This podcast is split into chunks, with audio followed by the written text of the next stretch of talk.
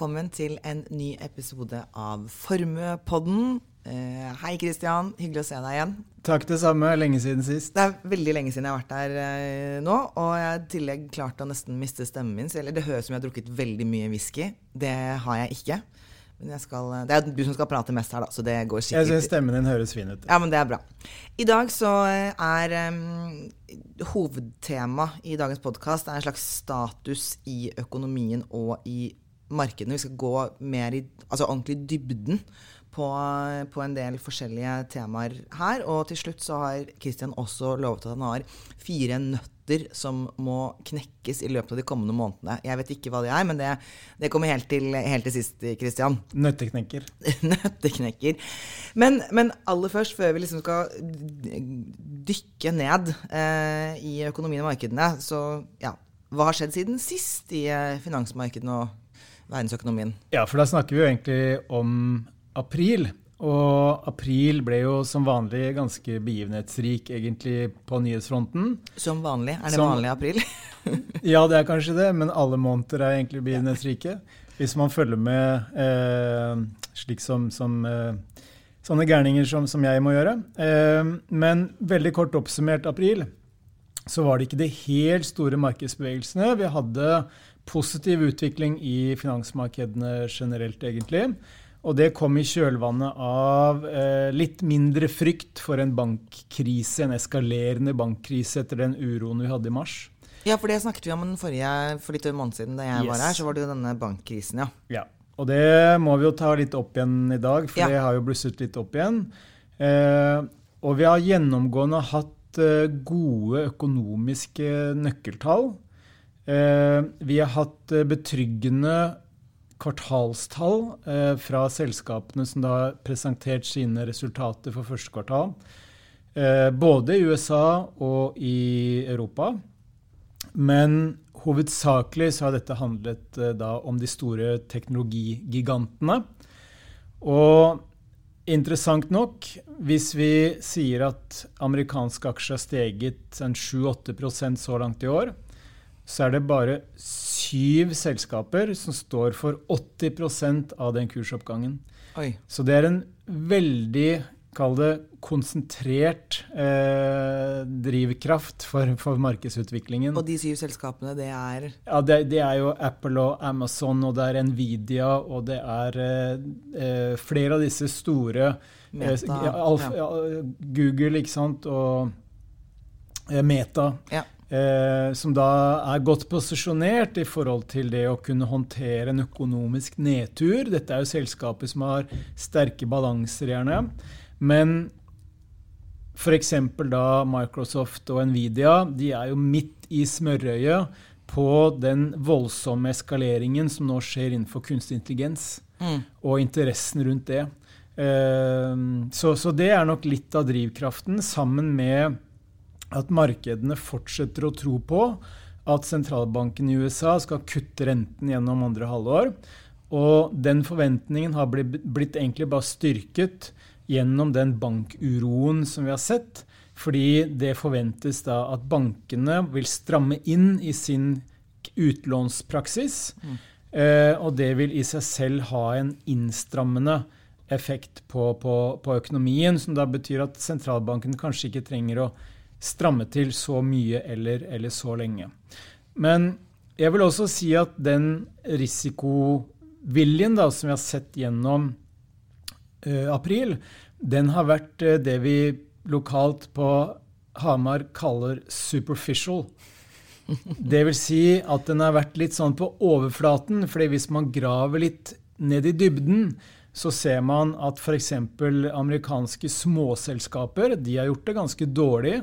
Der er kursutviklingen negativ så langt i år. Mm. Og vi ser at gullprisen har steget, det skal vi komme litt tilbake til.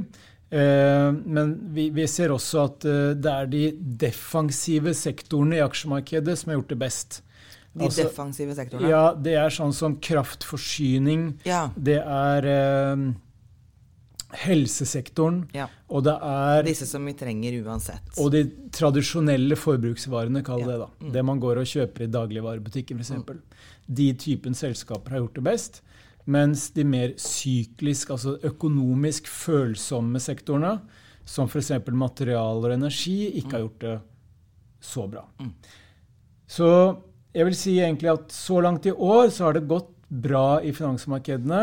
Og hvis vi også hensyntar at den norske krona fortsatte å svekke seg i april, som den har gjort uh, så langt i år, så er faktisk globale aksjer målt i kroner uh, opp 18 siden årsskiftet. Mm. Og det sammenligner seg da med en oppgang på 8% drøyt for globale aksjer målt i dollar. Så krona den fortsetter å svekke seg. Ja. Eh, bunnen virker nesten eh, vanskelig å liksom få sikte på. Mange tenker at nå må jo krona styrke seg, men eh, den fortsetter å svekke seg. Så det er eh, helt klart mye usikkerhet rundt, rundt Hvorfor omkring. er det krona svekker seg sånn, egentlig? nå? Eh, vi snakket litt om det på forrige pod med Frank Gyllum. Ja. Men veldig, altså de, de, viktigste driverne det er nok at eh, vi har sett lavere olje- og råvarepriser. Det pleier å tynge krona. Vi har sett generell usikkerhet i finansmarkedene. Det pleier også ikke å være bra for krona.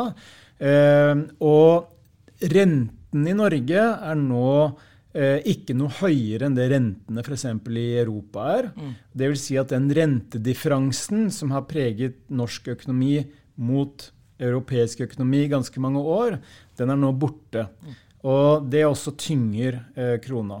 Men vi skal heller ikke utelukke at det kan være en slags strukturell drivkraft her, som også Frank Jullum var inne på sist, nemlig at norsk økonomi er veldig olje- og gassavhengig. Ja. Og det kan være at en del utenlandske investorer de tenker at ok, norsk økonomi, hvis jeg skal tenke langsiktig her, så kan norsk økonomi møte noen utfordringer ja. de kommende årene med å opprettholde de inntektene og de, den, den, styrken i økonomien. da som man har sett i ganske lang tid. Så det er jo kanskje de viktigste drivkreftene. Så hvis vi faktisk får til det grønne skiftet, og det er slutt på olja, så har det noe å si for Norge åpenbart? Det vil det kunne ha. Så får vi håpe at det er eh, innovasjon og skaperkraft nok i, i norsk eh, næringsliv fra før, da. Det håper vi til veldig. Å kunne kompensere for det. Ehm, men ellers vil jeg si at eh, markedsrentene, som da falt ganske kraftig under banktumulten i mars, de holdt seg stabile eh, gjennom eh, april. Det var også en medvirkende årsak til at disse teknologi- og vekstaksjene gjorde det ganske bra. Og det var heller ingen store endringer gjennom måneden i hva markedene tror at sentralbankene skal gjøre, henholdsvis i USA og i, Europa. Så eh, i dag, når vi da spiller inn denne episoden, så ventes den amerikanske sentralbanken å heve styringsrenten med 0,25 prosentpoeng. Ja, Og i dag er det onsdag 3. mai. Det er det. Ja. Eh, og det forventes da å faktisk være den siste renteøkningen fra Fed i denne omgangen. Mens i eurosonen så forventes det at ECB, altså sentralbanken der, vil heve renten kanskje minst et par ganger eh, til. Og det er også usikkerhet om hvor store Eh, renteøkningene blir. Så det var egentlig en sånn grei oppsummering. Det har vært positiv avkastning i aksjemarkedet, positiv avkastning i oblasjoner. Så det var vel april. Det er definitivt mye mer positivt enn veldig mange av episodene vi har spilt inn, så det er jo, det er jo hyggelig. Ja, altså Markedsutviklingen har jo egentlig vært positiv helt siden oktober i fjor. Det har selvsagt gått litt i bølger, mm. men det er klart at når man vet i dag alt det som har skjedd da, med renter og inflasjon og usikkerhet i økonomien, fall i oljepris, alt det der, så skulle man jo egentlig tro at det hadde gått litt dårligere enn det det har gjort da, i, ja. i de siste månedene. Mm. Men uh, nok en gang så ser vi at finansmarkedene er uransakelige. Det er umulig å spå. Og selv om man da vet egentlig hvordan ting vil bli i økonomien, mm. så er det ikke sikkert man vet hvordan ting kommer til å gå i markedene. Det er det som er så vanskelig å putte den der menneskelige faktoren og psykologi. Man aner jo ikke hva mennesker kan finne på å, å gjøre. Men da er vi klar for å gå og dykke mer ned da i status i økonomien og i markedene. Og da er det liksom fire temaer vi skal igjennom.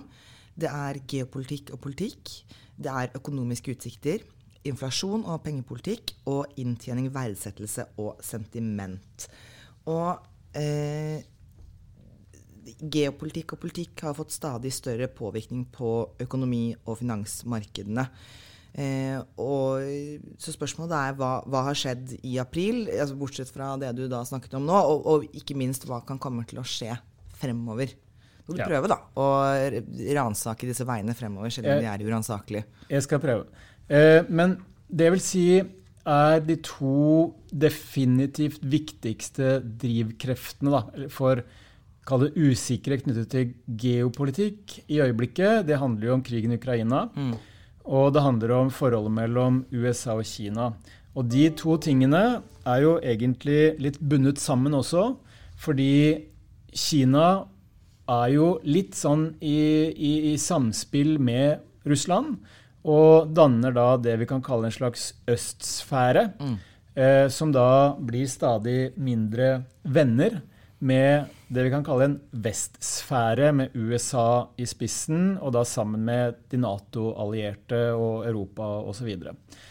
Men en ting som jeg bare har lyst til å, å, trekke frem, det er jo at selv om nå antagonismen, altså uvennskapet, økonomisk mellom USA på den ene siden og Kina på den andre siden blir stadig mer anspent. Det er det ingen tvil om. Mm. Og det kommer stadig nytt tiltak fra amerikansk side for å forhindre at Kina eh, får tilgang til f.eks. høyteknologiske databrikker osv., som da både har en militær funksjon, men også en sivil funksjon. Så ser vi også at Kina de gjør sine tiltak. For så Eh, gjennomfører de sanksjoner, de gjennomfører razziaer osv. mot vestlige bedrifter i Kina. Mm. Så det er ganske mye eh, motvilje mellom disse to økonomiske stormaktene. Men det jeg tenkte jeg ville snakke litt om nå, da, det er jo eh, dollaren og, mm. og, gullprisen. Fordi gullprisen ja, For det sa du vi skulle komme tilbake til, gullprisen. Gullprisen har jo egentlig ikke respondert på inflasjon sånn som vi trodde den skulle gjøre når inflasjonen begynte å stige. Men i stedet så har vi sett at gullprisen har steget kraftig nå eh, i år, og spesielt siden disse banktumultene i USA, så har gullprisen da steget 9% siden 8. mars. Eh, og samtidig så har vi sett at verdien av dollaren den har vært på vikende front. altså Den har svekket seg med rundt 3 eh, mot eh, de viktigste dollarene, eller, unnskyld, valutaene som dollaren sammenligner seg med, i en såkalt dollarindeks. Den er ned av 3% siden 8. mars. Og noe av dette her kan jo knytte seg til skepsis blant utenlandske investorer om den amerikanske banksektoren. Altså hvordan står det egentlig til blant disse er det 4700 ulike bankene i USA. Og vi vet også at dollaren den, den, den, svikter litt fordi at det forventes at Fed skal kutte rentene fremover, mens f.eks. ECB, den britiske eh, sentralbanken, forventes å heve rentene mm. eh, mer eh, fremover. Men det vi også ser, det er at det er ganske store bevegelser i de globale sentralbankenes valutareserver. Fordi vi vet jo at tidligere så har jo eh, veldig mange penger fra utenlandske sentralbanker, inkludert den kinesiske, blitt brukt til å kjøpe amerikanske statsobligasjoner. Og de pengene de har jo da vært med på å trekke opp dollaren, trekke opp verdien av amerikanske statspapirer og dermed trekke ned de amerikanske markedsrentene. Men det vi ser nå, det er at sentralbankene, spesielt utenfor denne vestlige sfæren, de har nå begynt på å endre sammensetningen av sine valutareserver. Og Financial Times hadde en sak på dette her for en drøy uke siden, hvor de peker på at i 2022 så økte sentralbankene samlet sett sine kjøp av gull mm. med 152% i 2022 sammenlignet med 2021. Og Da ser man en helt klar tendens at dette har eskalert etter utbruddet av krigen i Ukraina. Mm. At disse østsfære sentralbankene spesielt, de ønsker da ikke lenger å plassere pengene sine så mye i USA, og heller da velger å plassere pengene i, kall det mer nøytralt eh, gull. Mm. Så det vi ser, det er jo at eh, den amerikanske dollarens andel av globale valutareserver har nå falt faktisk til laveste nivå siden 1995. Oi. Så dette med geopolitikk Nå snakket vi jo ikke så mye om politikk, da, men det geopolitiske eh, bildet er i ferd med å få konsekvenser også inn i finansmarkedene og inn i kapitalstrømmene. For det er klart at hvis dollaren svekker seg, så har det betydning også for amerikansk næringsliv. Fordi det betyr at når dollaren svekker seg, så, så styrkes jo konkurransekraften til amerikansk eksportsektor. Mm. Men det blir dyrere for amerikanerne å importere ting. Ja. Og USA er jo verdens største importavhengige økonomi. ikke sant?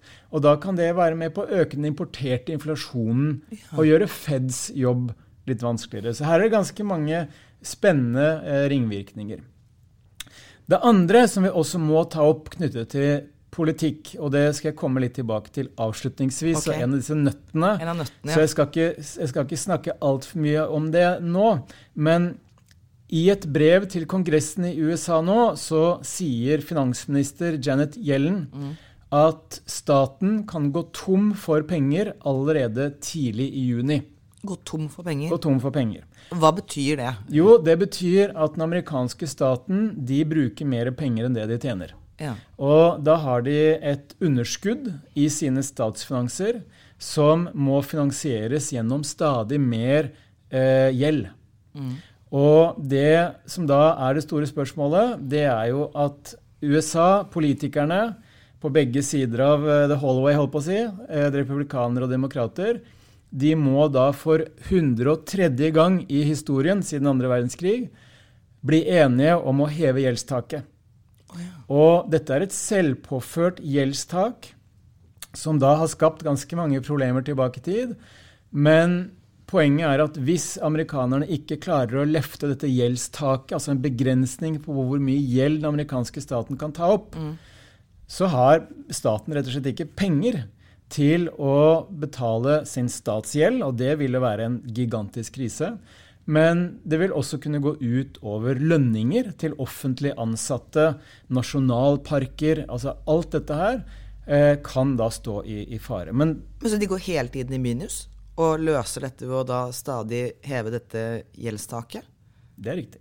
Hvor, hvor, lenge kan man gjøre det? Det høres ikke bærekraftig ut i mine ører. Nei, og det som da er ekstra spennende nå, det er jo at uh, republikanerne og demokratene de er jo kanskje mindre kompiser enn det de noen gang har vært. og istedenfor liksom å prøve å samarbeide for å finne en løsning, så handler det mer om å tyne dette til siste øyeblikk mm. og, og, legge skylden på det andre partiet. Selvfølgelig. Det, men uh, dette er faktisk da en av de nøttene ja, som okay. finansmarkedene må knekke de kommende månedene. Mm.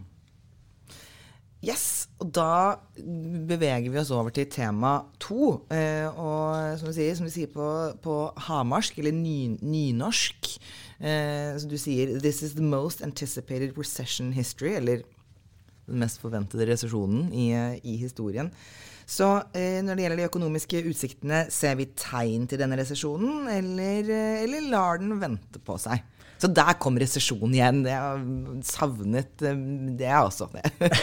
ja. Nei, altså det, det, er jo slik at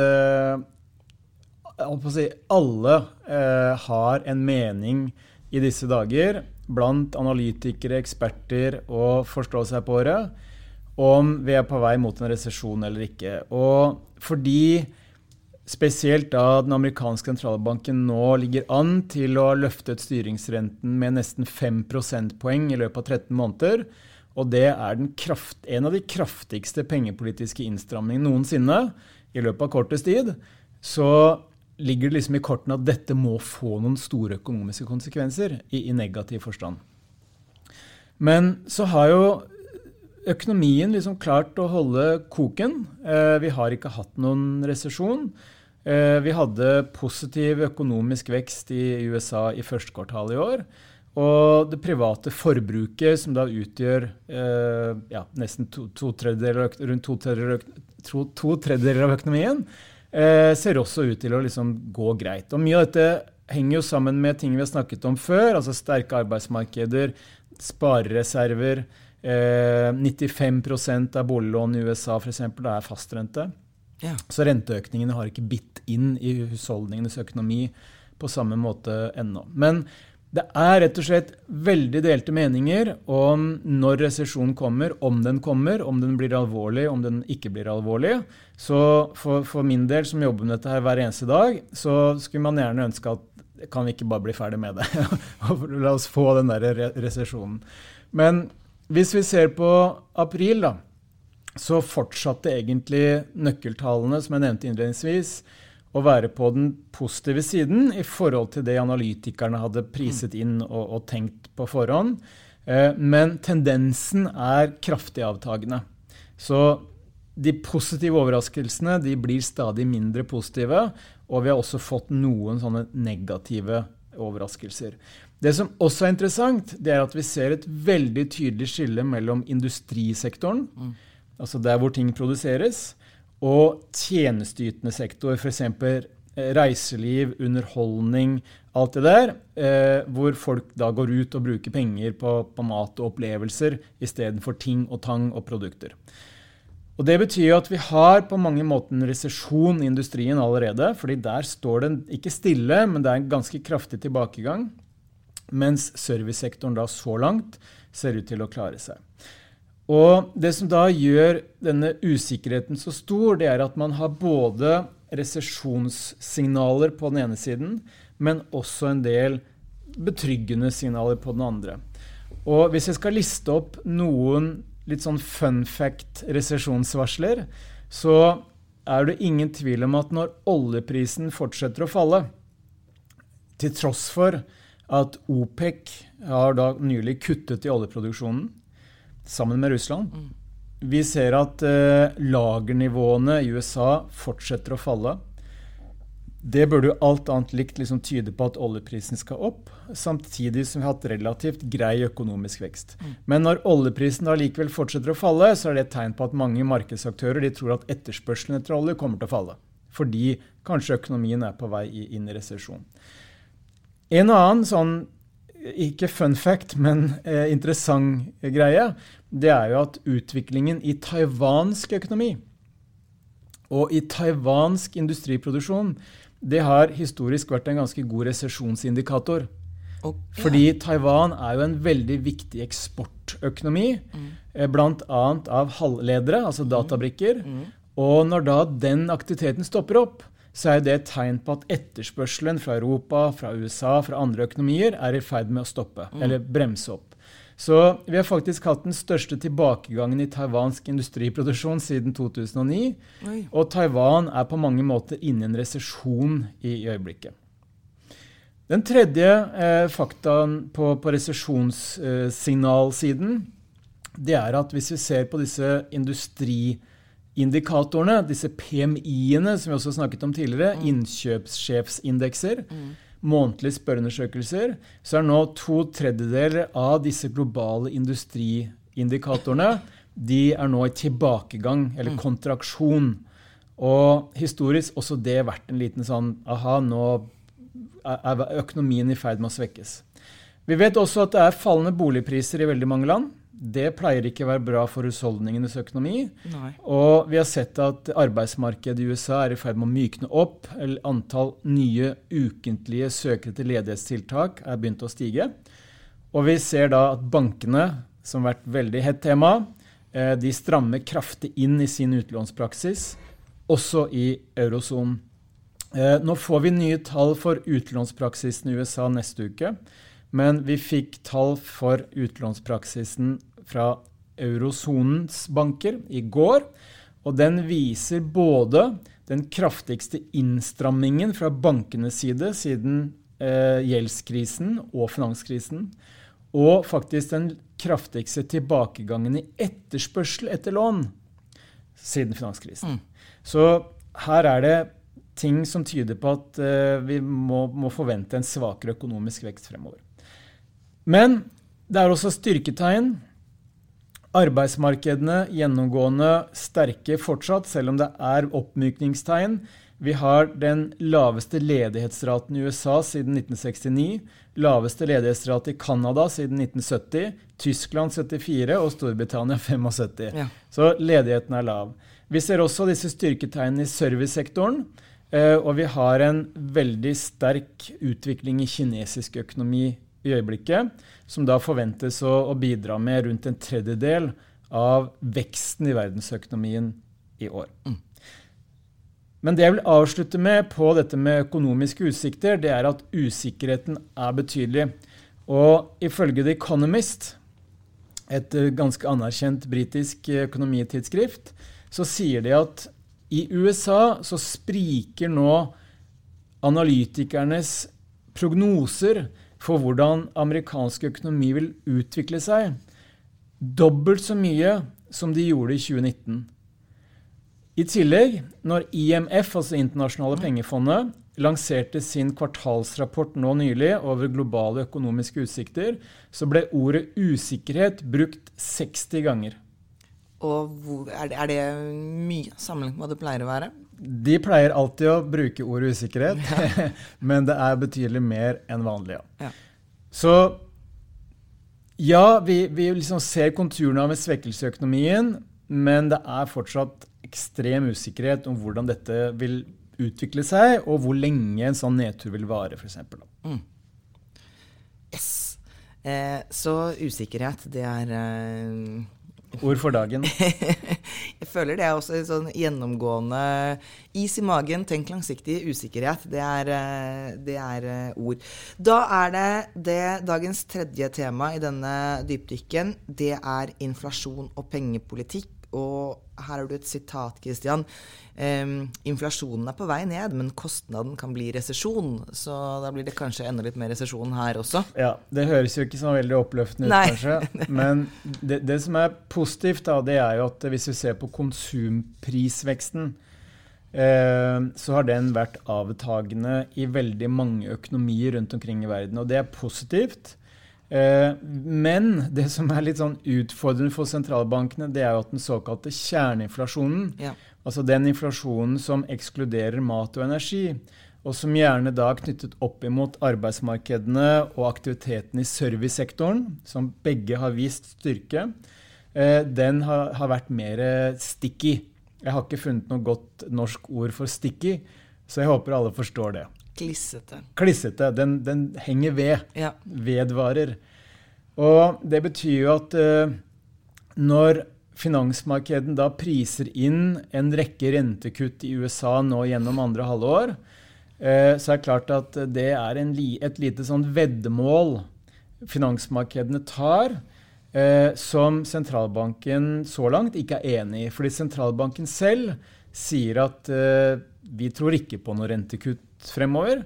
Og det er klart at Hvis denne kjerneinflasjonen og inflasjonen generelt ikke faller så raskt tilbake som markedene tror, så risikerer vi at de rentekuttene uteblir. Og da vil det være en skuffelse for, for finansmarkedene. Um, men det som da er helt klart en mulighet her, det er jo som jeg var litt inne på med resesjonsrisiko det er jo at når bankene da strammer inn så mye som de ser ut til å gjøre, styringsrenten fortsetter å stige og kanskje vil være høy en stund lenger enn det markedene tror. Vi ser fallende boligpriser. Vi ser at denne cost of living crisis den brer om seg. Og med det så mener rett og slett at selv om konsumprisene faller, inflasjonen faller, så betyr jo ikke det at ting blir billigere. Nei. Ting blir bare dyrere i et saktere tempo. Og det er klart at når, når boligrentene da stiger, og selv om du har fastrente på lånet, så må ting etter hvert refinansieres, så er det klart at dette begynner etter hvert å bite i bl.a. husholdningenes evne til å bruke penger og, og støtte, støtte økonomien. Så det som kan da være en formildende effekt her, det er jo at fordi mange bedrifter har opplevd at det å skaffe kvalifisert arbeidskraft har vært vanskelig de siste to-tre årene, kanskje, så vil også terskelen for oppsigelser kunne være større nå. Eh, man er rett og slett redd for å si opp folk, fordi det kan oppleves som vanskelig å få dem tilbake ja. når, når etterspørselen og økonomien kommer i gang igjen. Vi vet også at uh, vi har ikke hatt noen overdreven investeringsaktivitet i næringslivet. Veldig mange husholdninger har vært forsiktige med å øke gjelden sin, eh, ikke minst i USA. Og vi kan heller ikke si at vi har de store boblene i finansmarkedene som er sprekkeferdige nå. Eh, og dette er jo alle ting som har vært med på å forsterke resesjoner tidligere. Enten altså overdreven optimisme i næringslivet, overdreven gjeldsoppbygging blant husholdningene, og eller overdreven optimisme og bobler i finansmarkedene. Mm. Og ingen av de tingene har vi egentlig nå. Og det betyr jo at en økonomisk nedtur trenger ikke bli noen dyp krise. Alternativt så kan vi få en mild resesjon, en forsiktig nedgang i økonomien, som kanskje heller da varer en stund, istedenfor at vi får den kraftige nedturen, og så får en kraftig V-rekyl etterpå. Bra. Eh, da er det siste tema, og her må du være nå ganske eh, kort og konsis og to the point hvis vi skal rekke disse fire nøttene dine også helt avslutningsvis. Og siste tema, da, det er inntjening, verdsettelse og sentiment. Og her også har du et fint sitat. Verken aksjer eller selskapsobligasjoner priser inn en resesjon, så der er resesjon igjen. Ja. Eh, man blir litt lei av det begrepet, kanskje. Men eh, hvis vi, hvis vi gå litt tilbake til dette med kvartalsresultatene. da. Fordi veldig mye av det, det, investorene fokuserer på nå, og det handler liksom om kommer økonomien til å klare seg, kommer selskapene til å fortsette å tjene penger eller ikke. Og Derfor så er det ekstra stor spenning knyttet til disse kvartalsresultatene. Og det som vi har sett så langt, det er jo at uh, både de store teknologigigantene, som er veldig avgjørende for markedets utvikling på, på indeksnivå, og de store amerikanske bankene, de europeiske bankene, så har man fått flere betryggende enn skremmende signaler. Og selv om det er litt mer rufsete under overflaten, altså hvis man ser på f.eks. transportsektoren, selskaper innenfor logistikk osv., spesielt i USA, så er det flere resesjonstegn der. Så det er litt sånn blandet eh, bilde. Også for disse teknologigigantene så har ikke omsetningsveksten vært spesielt imponerende. Og det betyr at salget liksom, og, og, revenues har ikke vokst så mye. Men det er marginene, altså fortjenestemarginene, de har steget. I hovedsak da fordi at selskapene har klart å kutte kostnader. Og hvis man ser på hvor det er størst eller flest antall oppsigelser i USA i øyeblikket, så er det nettopp i teknologisektoren. Så de har kvitta seg med ganske mange ansatte. Det reduserer kostnads... Hva betyr ganske mange ansatte sånn prosentvis? Har du noe tall på det? Å nei, det har jeg ikke i hodet. Eh, men vi leser nesten daglig, i hvert fall ukentlig, om ganske store oppsigelsesrunder i amerikanske teknologiselskaper. Men det man fort glemmer når man ser antallet mennesker som sies opp, det er jo at eh, disse selskapene har en ekstremt høy eller stor mengde ansatte fra før. Altså de, Prosenten er ikke så svær. Nei, det var nettopp det, var det, jeg, det jeg, lurte på. Mm. Ja. Så, så det er fortjenestemarginene som har steget. Uh, og det som da er en liten utfordring når fortjenestemarkedene stiger, det er at det er med på å presse inflasjon. Det som jeg har skrevet og snakket litt om tidligere, det er jo at det som er en liten sånn discrepancy i øyeblikket, eller en sånn selvmotsigelse, kanskje, det er at uh, de fleste makroøkonomer de forventer at økonomien skal svekkes. 65 av amerikanske makroøkonomer forventer resesjon. Men aksjeanalytikerne de forventer en akselererende inntjeningsvekst. Og begge kan selvsagt ikke få rett. Nei. Men det jeg også har lyst til å si rundt dette her, det er jo at ok, man tenker intuitivt at ok, hvis selskapene skal tjene mer penger, så vil det være bra for aksjemarkedet. Hvis eh, økonomien går inn i resesjon og selskapene ikke skal tjene mer penger, men inntjeningsveksten faller, så vil det være negativt for aksjer.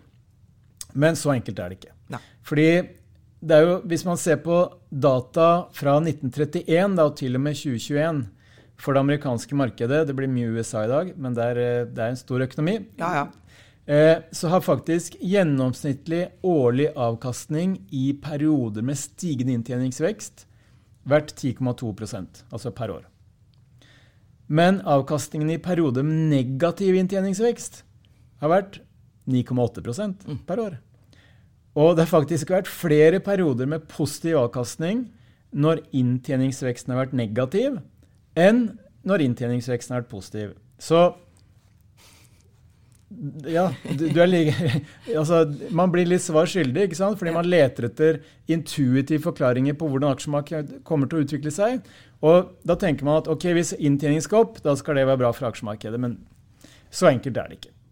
Litt, eh, litt, kaotisk. Litt kaotisk, fordi investorene er uransakelige. Noen ganger kan man tenke at ok, hvis inntjeningen skal ned, da skal den snart opp. Og da kjøper jeg aksjer likevel, fordi da er de stort sett litt billigere. Ikke sant. Da skal vi gå over til eh, det siste i dag, som er fire nøtter som må knekkes i løpet av de kommende månedene. Du har allerede så vidt nevnt igjen at vi skal til USA og dette gjeldstaket. Jeg vet ikke om du vil starte med den, eller, eh, eller om du har noe annet? Det er helt riktig. Ja. Det, er, det, er, fire nøtter uh, som, som uh, vi må på en måte se at markedene må håndtere, økonomien må håndtere, politikerne må håndtere fremover. Og Det første det handler jo om dette gjeldstaket som vi var innom. Og som jeg, var, som jeg, nevnte, så signaliseres jo da fra finansministeren at eh, den amerikanske staten kan gå tom for penger i begynnelsen av juni. Og så kan man gjennomføre noen sånne midlertidige tiltak, sånn at man kan flytte eh, prosessen litt, eh, skyve prosessen litt ut i tid. Men likevel, det som er utfordringen her, det er jo at eh, republikanerne de setter som en forutsetning for å heve gjeldstaket at regjeringen, altså Biden-administrasjonen, skal gjennomføre ganske heftige budsjettkutt. Eh, og forslaget som er lagt frem så langt, det handler om 4800 milliarder dollar mindre i utgifter eh, det kommende budsjettåret. Eh, mens Demokratene da og Biden de vil ikke finne seg i noen budsjettkutt. De vil bare at man skal finne en avtale om å heve gjeldstaket. Da for 103. gang siden andre verdenskrig, som nevnt. Men det som gjør at mange nå tror at sannsynligheten for at dette kan bli veldig kaotisk, er større enn på lenge, mm. det er jo nettopp denne antagonismen mellom republikanere og demokrater. Og i verste fall, hvis man da kommer til en situasjon der markedene begynner å frykte at vi for det første kan se et faktisk mislighold av amerikansk statsgjeld, så vil det skape store tumulter i finansmarkedene. Og det andre er jo at hvis man får en krise da, knyttet til dette gjeldstaket nå, så kommer det på et veldig følsomt tidspunkt for amerikansk økonomi. Ja. Fordi amerikansk økonomi er jo helt klart i fare for å komme inn i en slags resesjon. Og da vil dette kunne bli tungen på vektskålen. Ja. Det de fleste håper og tror på, det er jo at uh, ingen, verken republikanere eller demokrater, er spesielt interessert i å få en krise Nei. og få skylden for det. Og at man da finner en, en løsning i, i, siste øyeblikk. Men i siste øyeblikk, det kan også bli fremtvunget av tumulter i finansmarkedene. Så vi skal ikke utelukke at vi må se markedsuro før politikerne kommer til sunn fornuft og blir enige. Jeg må si at For meg så høres det helt eh, Jeg har ikke noe bedre ord enn ko-ko ut på at det er det som er løsningen med å øke gjeldstaket 130 gang siden annen verdenskrig. Ok, nøtt nummer to. Nøtt nummer to handler om eh, banksektoren i USA, til dels også i eurosonen. Fordi selv om det er lite grunn til å liksom være redd for at de store bankene skal gå konkurs, og at vi skal få noe eh, finanskrise forsterket av bankkollapser. Og da tenker jeg på de store systemkritiske bankene. Så ser vi nå senest denne uken her gjennom det som har skjedd med eh, First Republic eh, Bank. Mm. Som da er den nest største bankfailuren, egentlig, siden finanskrisen som da ble kjøpt opp av JP Morgan. Men her ser man på markedsutviklingen da, denne uken her at bankene, og spesielt da de regionale mindre bankene i USA, de faller fortsatt kraftig på børsene. Og det er et signal om at det fortsatt er usikkerhet om det er flere banker som kan få tilsvarende problemer. Og spesielt da når Fed forventes å heve styringsrenten ytterligere, så vil det kunne gjøre at denne flukten av innskudd, altså kunder trekker innskuddene sine ut av banker og plasserer det f.eks. i pengemarkedsfond til en stadig, stadig høyere rente, da, eh, det legger press på bankenes eh, evne til å finansiere seg, rett og slett. Så dette bankstresset og hvordan det eh, påvirker økonomien på den ene siden, men også om det kommer flere slike hendelser de kommende ukene og månedene vil helt klart også kunne være nødt å knekke for markedene, og ikke minst politikerne. Amerikanske bankene, nøtt nummer to. Nøtt nummer tre, Christian? Nøtt nummer tre det er rett og slett eh, om markedene har rett i at sentralbankene er i ferd med å nå rentetoppen. Fordi sentralbankene har vært veldig tydelige på at eh, inflasjonsbekjempelse det er vår prioritet nummer én. Og så langt så er det ingenting som tyder på at sentralbanken er i ferd med å nå sine inflasjonsmål på 2% Både konsumprisvekst og kjerneinflasjon er fortsatt langt høyere enn disse målsetningene.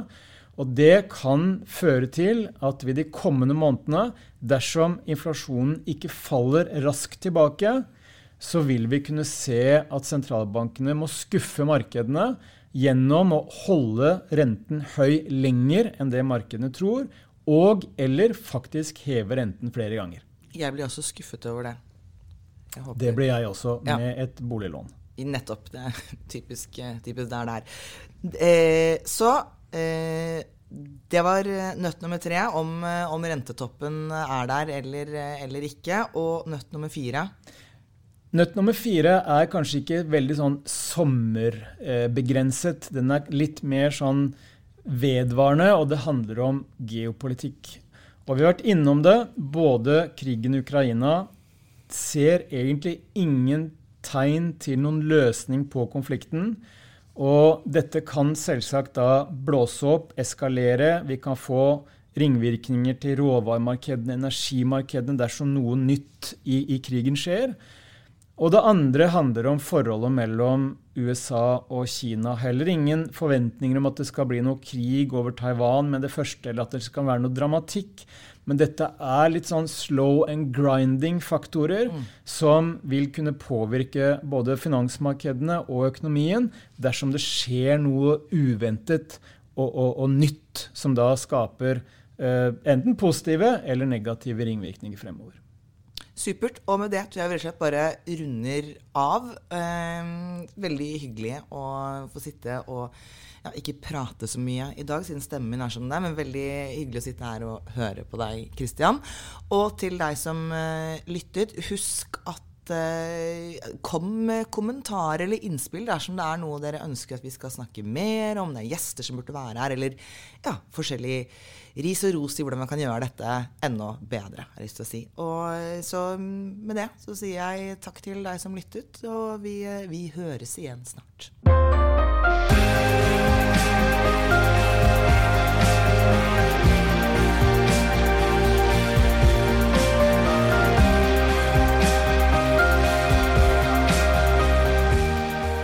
Du har hørt på Formuepodden, en podkast fra Formue.